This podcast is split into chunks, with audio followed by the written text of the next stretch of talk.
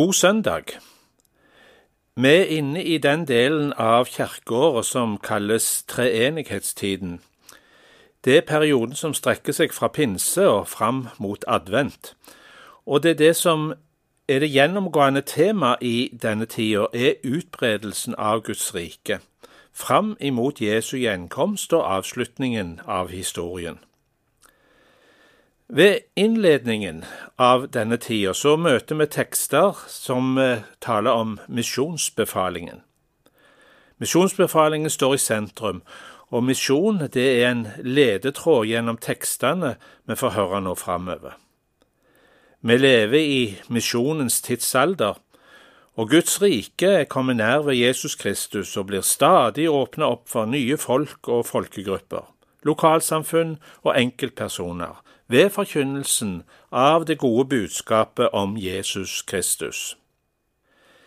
Hva er drivkraften i det store arbeidet som gjøres for å utbre Guds rike i denne verden? Det er det vi får høre noe om i bibeltekstene som er satt opp på denne fjerde søndag i treenighetstiden.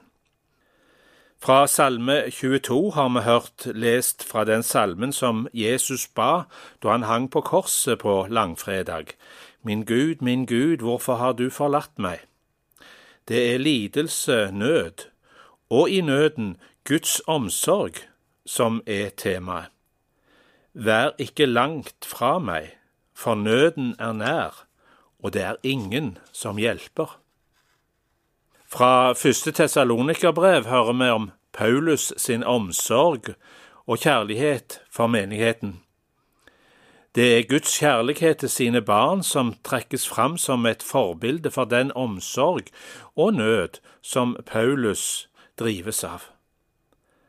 Han gir alt for arbeidet i Guds rike. Og så skal vi lese evangelieteksten fra Matteus kapittel 9, vers 35 til 38, og høre om Jesu medfølelse for de forkomne og hjelpeløse hans nød for en verden som er i nød. Jesus vandret nå omkring i alle byene og landsbyene. Han underviste i synagogene deres, forkynte evangeliet om riket, helbredet all sykdom og plage. Og da han så folkemengdene, fikk han inderlig medfølelse med dem, for de var forkomne og hjelpeløse som sauer uten gjeter. Da sa han til disiplene sine, Høsten er stor, men arbeiderne få. Be derfor høstens herre sende ut arbeidere for å høste inn grøden hans. Hva er drivkraften? spurte vi. Er det påbudet om å gå ut og forkynne evangeliet om Guds rike? Er det kravet fra Gud til å gi, til å be, til å drive misjon? Er det det som får folk til å si ja til kallet og dra ut i tjeneste for Gud og misjon? Er det budet som fikk Paulus til å arbeide dag og natt, og som gjorde han villig til å gi alt, ennå til sitt eget liv i tjenesten? Det er mange gravstøtter rundt omkring i verden der tjenere for Jesus ligger begrava. De som ble drept for sin tros skyld. De som sleit seg ut. De som pådro seg helseskader i det området Gud hadde kalt de til. De som måtte forlate sine egne. Ja, de som gav alt i tjenesten. Hvorfor? Det er ikke fra fjellet i Galilea, der Jesus ga sin misjonsbefaling, at inspirasjon og drivkraften kommer til et arbeid i Guds rike. Nei, misjonsbefalingen, det var bare marsjordren, det. Vi må til et fjell litt lenger sør, til Jerusalems Golgata, for å forstå hvorfor disiplene og millioner av andre ga alt for Jesus. For der, på Golgata, ser vi åpenbart Guds kjærlighet og nød for en fortapt verden. Der ser vi Gud som gir alt for sin skapning. Der ser vi nøden og omsorgen grunna i et Guds hjerte som blør for den enkelte av oss i vår nød. Denne kjærligheten som er så sterk at den gir alt for å berge oss. Det er drivkraften i Guds redningsaksjon for oss. Det er medfølelsen, medlidenheten, medkjenslen som Jesus har for de forkomne og hjelpeløse, for sauene uten gjeter. Det er det som er drivkraften. Og det er denne Guds kjærlighet til oss, hans medlidenhet og medfølelse for oss, som er drivkraften. Som åpner våre øyne for nøden og forkommenheten i en fortapt verden. Det er når vi blir klar over denne Guds kjærlighet til oss, tar imot nåden og velsignelsen fra Herren og ser at vi er frelst og berga av bare nåde, da ser vi verden med nye øyne. Da ber vi, hjelp meg å skue med ditt blikk, hvert folk som liv og grenser fikk, og bære verdens nød og skam med kjærlighetens offerbrann til døden tro, tålmodig, sterk og fro. Da han så folkemengden, leste vi, så fikk han inderlig medfølelse med de.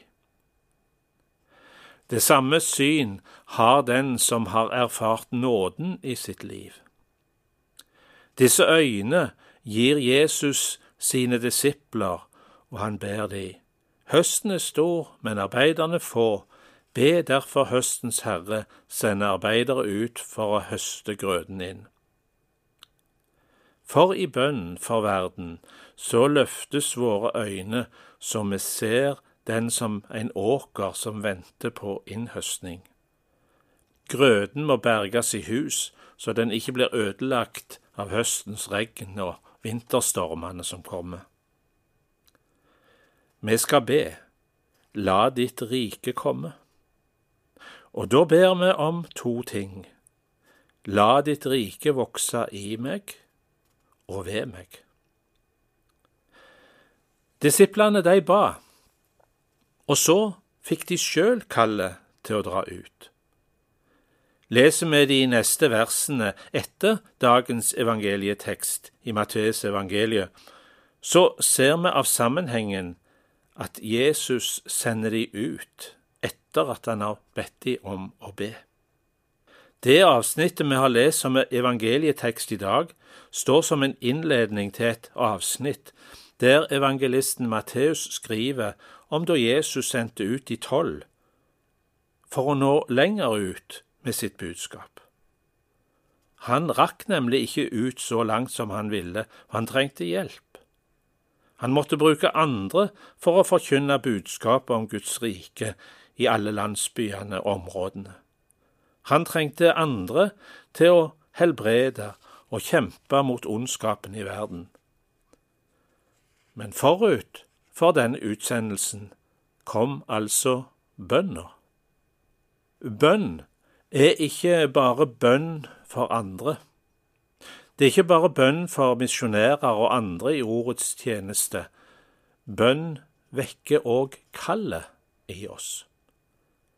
Kallet til sjøl å engasjere seg i Guds rikes arbeid. Bønn setter i gang kallets krefter i oss, kallet som gir oss en plass i Guds arbeidsflokk. Slik som vi synger i en god barnesang, Gud har en gjerning som passer for meg, og en annen en som passer for deg. Når vi ber om at Gud skal drive arbeidere ut i sin høst, så blir ofte Guds tilsvar til oss. Vil du gå? Vil du gi? Vil du be?